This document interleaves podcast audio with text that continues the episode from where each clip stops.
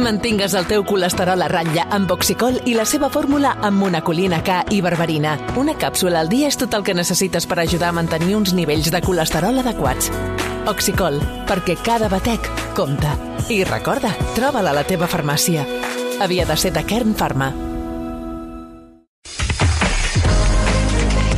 Doncs això que dèiem, Xina insisteix en mantenir la política de Covid-0, però es compromet, això sí, a rectificar algunes de les mesures després de les protestes que s'han viscut aquests últims dies. Algunes, poques, n'hem vist, Eh, ho dic perquè, clar, la, la censura de, la, de, de, de Xina és tan, eh, és tan fèrrea que amb poques imatges hem pogut veure de tot el que està passant en aquest país.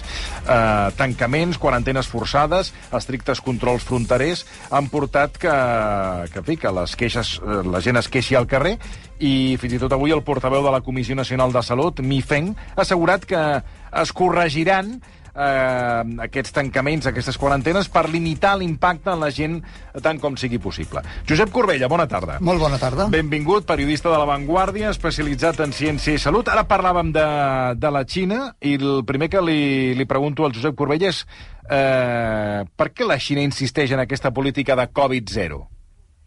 Doncs mira, hi ha dos arguments. Un és sanitari i l'altre és polític.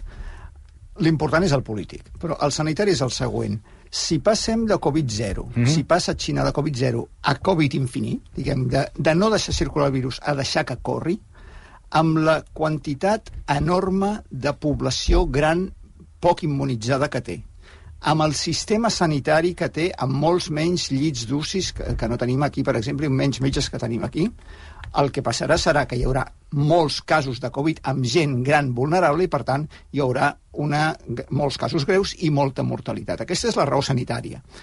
Però la, la de base... Per tant, no estan ben preparats per afrontar una política de Covid eh, obert, per entendre. No, estan, no tenen la immunitat necessària ni el sistema sanitari necessari per conviure amb el virus com estem convivint nosaltres ara, com està convivint tota la resta del món ara. Però després hi ha l'altra qüestió, que és la qüestió política. Covid-0 ha estat una eh, norma que ve del líder suprem xinès Xi Jinping, que té el do, s'atribueix a si mateix el do de la infal·libilitat. Um, si ets infal·lible, el problema és que... Ell ho diu d'ell mateix és la, la, la, la figura del líder suprem. Sí, no es permet és que, que, món... que es qüestioni res i les persones que, que no el segueixen han estat apartades del, com, no sé si recordeu, a l'últim partit de Congrés del Partit Comunista, sí, Hu Jintao, com el van fer fora fa... Sí, sí. fa el van no... fer aixecar de la cadira sí. i el van fer fora, sí, sí, com si s'hagués colat. Aleshores, el problema de ser infal·lible és que també quan t'equivoques, t'equivoques fins al fons i no tens ningú al teu voltant que et corregeixi. Clar, clar perquè ningú Aleshores... s'atreveix a dir-te que potser hauries de fer-ho diferent. Aleshores, si Xi Jinping ara re renunciés a la política de Covid-0, um, se, se, uh, tindria un cost per la seva imatge d'infal·libilitat. Per tant, no s'ho pot permetre. El que està fent avui, per exemple, és el govern de Pequín està dient que els problemes que hi ha ara no són causa no del govern central de Pequín, sinó dels governs locals que uh mhm. -huh. estan aplicant malament la política. Uh mhm. -huh. Però en qualsevol cas, el, la raó o sigui, la raó al final de, de per què es fa una política o una altra contra la Covid a tot el món ha estat sempre, la raó final és política. I perquè facis el que facis té un cost. Si deixes circular el virus, recordeu fa dos anys, si deixem circular el virus, té un cost en termes sanitaris i socials, però si, no, si tanquem té un cost en termes econòmics i també socials. I trobar l'equilibri entre aquests, aquests, dos, uh, aquests dos pols sempre té inconvenients per a algunes persones. Perquè a Xina, que veiem eh, que s'ha tornat a, a vacunar la, la gent, és a dir, de quines vacunes estem parlant? Quines eh, vacunes són les que s'administren? Xina ha desenvolupat les seves pròpies vacunes eh, des de fa temps. I se sap, algun... se sap si són eficaces o no són eficaces? I si estan al nivell, per exemple, de Moderna, la de Pfizer, les, les, les aquestes del... ARN. De l'ARN, sí. o no, no se sap... Sí, hi ha estudis que s'han fet a diferents països perquè aquestes vacunes no només s'han administrat a Xina, sinó també a altres països. Per exemple, l'estudi més gran que s'ha fet um, recent és a Hong Kong amb dades, si no recordo malament, de 7 milions de persones, on s'ha pogut comparar qui havia rebut una vacuna de Pfizer-BioNTech, de RNA-16, i qui havia rebut la Sinovac, xinesa. I què s'ha vist? Doncs que la de Pfizer és millor, més eficaç.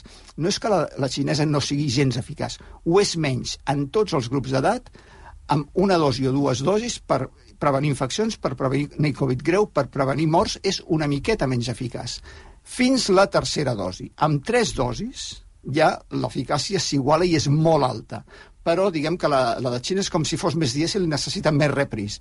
Com que a Xina el, hi ha molta població vacunada, però molta menys vacunada amb tres dosis. I en els grups d'edat més grans, per qüestions culturals, són més reticents a vacunar-se que els més joves i més urbans. Què passa? Que precisament els més vulnerables que necessitarien més vacunar-se són els que menys ho han fet. I en el grup dels majors de 80 anys, si no recordo malament la dada, el 40% no porta tres dosis. Per tant, hi ha un volum enorme de milions i milions de persones que no estan ben immunitzats. I aquesta política de Covid-0, mmm, fins quan es pot mantenir? És a dir, eh, que evidentment hi ha una, una, una, una línia econòmica, però una altra és una qüestió sanitària. És a dir, pots estar en un bucle que sigui pràcticament infinit, no? És a dir, que no acabis mai. Perquè sempre hi haurà gent que tindrà Covid i aleshores tornaràs a aplicar aquests confinaments de Covid-0. Mira, tot el que s'ha fet fins ara per Covid-0 a Xina, que ha funcionat fins ara, ja no funciona. I el motiu pel qual no funciona és que el virus en aquests ja gairebé 3 anys ha evolucionat i s'ha fet cada vegada més contagiós. Tenim variants que ens han anat arribant que són més contagioses que les anteriors. I aquestes variants, les Omicron, han arribat a Xina. Per tant, les mesures que s'han aplicat fins ara de eh, aïllaments de persones, confinaments de territoris, de testejos massius amb proves de, de detecció de virus, de amb, eh, control dels ciutadans per geolocalització, tot això que fins ara s'ha fet per controlar el virus quan era menys transmissible i que ha funcionat, ara amb un virus més contagiós, ja no és suficient. Si vols mantenir Covid-0 i que continuï sent eficaç, has de fer mesures encara més estrictes, en un moment que la població demana Sí, sí, que, mesures menys estrictes. Més flexibles. Per, per tant, això eh, no es podrà mantenir. Ara, com s'ho farà el govern de Pequín, com s'ho farà Xi Jinping per corregir sense, uh, sense, sense que, que assumeixi... Sense el fer el ridícul. Exacte, això ja ho veurem, com ho fan i quan ho fan. Suposo que la manera més uh, esperable és que hi hagi un relaxament gradual uh, de les mesures. Eh, parlàvem de vacunes, ara estem en campanya de la grip, eh, hi ha la campanya de la, de la grip i de la quarta dosi de, de Covid. Eh, avui ens volies parlar també d'un prototip de vacuna universal contra la grip. Eh, això vol dir que a cada país o a cada zona hi han diferents tipus de vacunes contra la grip, que s'adapten a segons el país, o com va això? No, l'universal no vol dir que, que diferents països n'estiguin aplicant de diferents. Ara, tal com funciona ara... Mm, com funciona ara?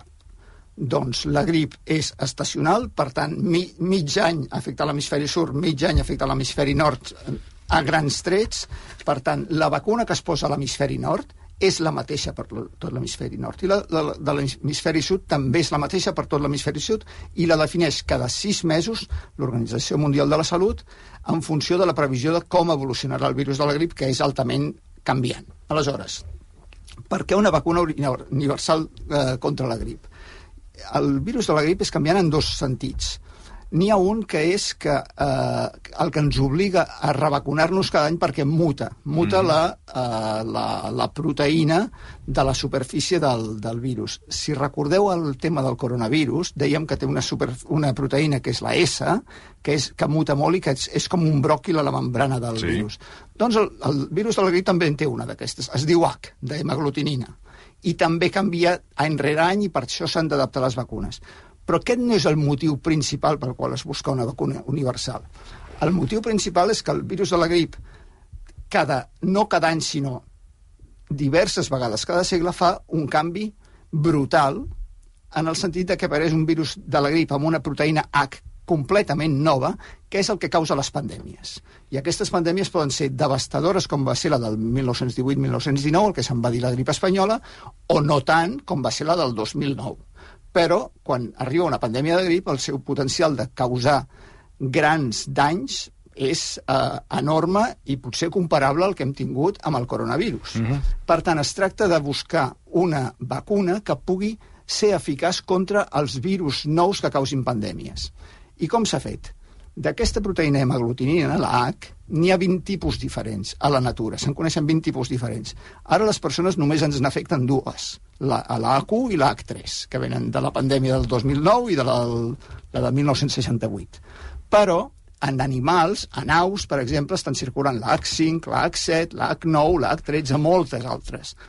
Ara tenim a tot el món un problema de l'últim any, dos anys, que és eh, una epidèmia de grip aviària causada per virus H5N1 que està fent eh, mal al sector eh, avícola i que ha arribat amb aus eh, salvatges, amb aus eh, que, mm. que migren a, tota, a Nord-Amèrica, a Europa. Aquest virus pot infectar persones. Un cop infecta persones, fins ara no té una gran capacitat de transmetre's, per tant no causa pandèmia. Però si adquirís alguna mutació addicional, potser aquest H5N1 podria causar una pandèmia. I cap de nosaltres té immunitat contra la H5. Per què es vol la vacuna universal contra la grip? Precisament perquè si hi ha una pandèmia d'H5 estiguem immunitzats abans, i això és el que s'ha buscat amb aquesta investigació. I estem a prop o no? Mira, aquesta és una investigació que l'ha fet la Universitat de Pensilvània, que té entre els coautors un, un científic que es diu Drew Wiseman, que no us sonarà de res. No, Aquest home, no, no sé si te sonarà... No és català.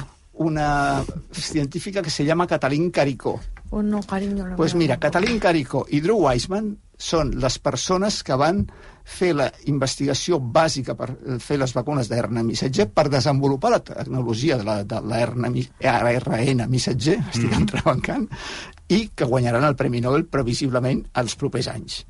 Aleshores, aquest és un nivell de científics que no fan investigacions si no és per fer alguna cosa important. Per tant, sí que ho fa amb una perspectiva de que això tingui una, una aplicació. Aplicació immediata encara no. El que han fet és aquesta recerca, han, han fet aquesta vacuna amb totes les hemaglutinines possibles, ha, han comprovat que és eficaç en eh, ratolins, en fures, però encara falta tot el procés de... En monos no. En mono? En micos no, en micos no s'ha fet.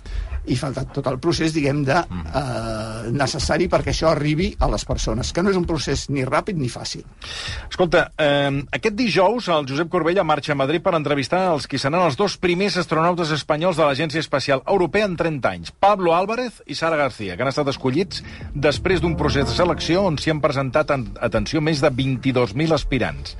La tasca d'ells dos se sap o, o ara mateix és massa prematur? O sigui, que...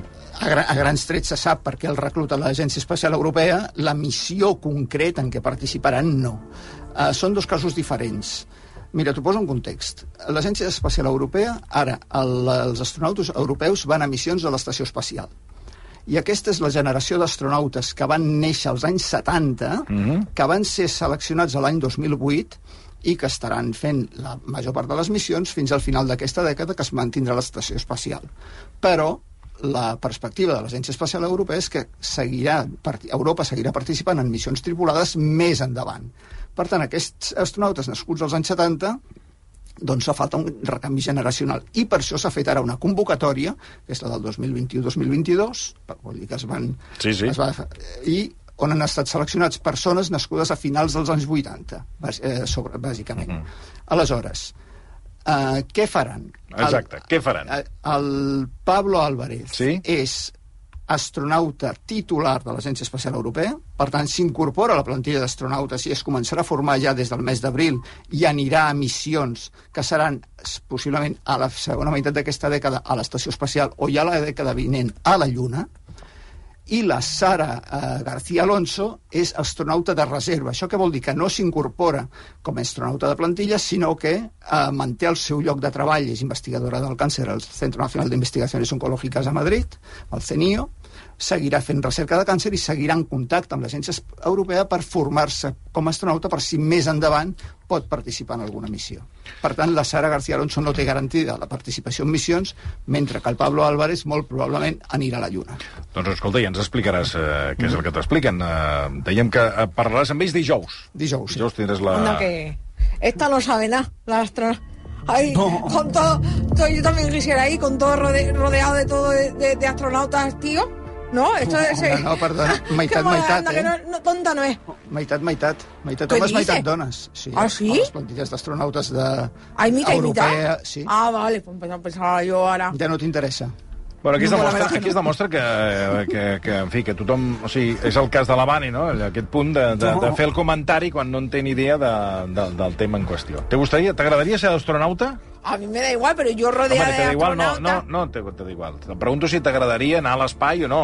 No, ir al espacio no, pero estar ahí en la NASA, toda rodeada de astronautas. Sí, però és que no, t'estic dient d'astronauta, de, de, perquè ells són astronautes. Però- A mí no, a mí a dar vueltas ahí como, como, un, como una noria y dando vueltas eh, sin gravedad, a mí eso no. A mí, tú sabes eso para el pelo, además el pelo nunca lo tienes peinado, porque no hay gravedad. Sí, Todo el, és la todo el ritual Sí, sí, total. va Mira, en- Hombre, te estás cabell. ahí tres horas El con las cabell, planchas, con el cabell despentinat. Claro, tú te ahí tres horas Sí, sí, peinándote no, no, es para que luego te pongan ahí en el Clar, ciberespacio, clar. ¿no?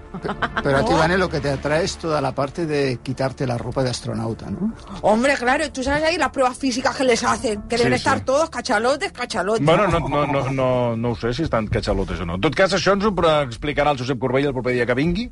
Eh, te- te- te'ls, eh, no sé, els hi pregunta si han de, han de fer preparar-se molt físicament o no. Això tu... En las películas sale que, que Bueno, sí, Perden les molta todos massa están muscular quan estan a Ah, l'espai. En les sí? pel·lícules veu bastant... No, no, no tots estan molt Ai, catxes i més d'una vegada a les pel·lícules a les pel·lícules he vist algun astronauta una mica nyiclis. Però bé, això en tot cas ja ens ho explicarà el Corbella. Josep, moltíssimes gràcies. A vosaltres, molt bona Fem tarda. una pausa i d'aquí uns moments parlarem d'un d'aquests llibres que és Vitamina pel cervell, Sí. que no és altre que Retrar, Retratarte, el llibre del Carlos de l'Amor.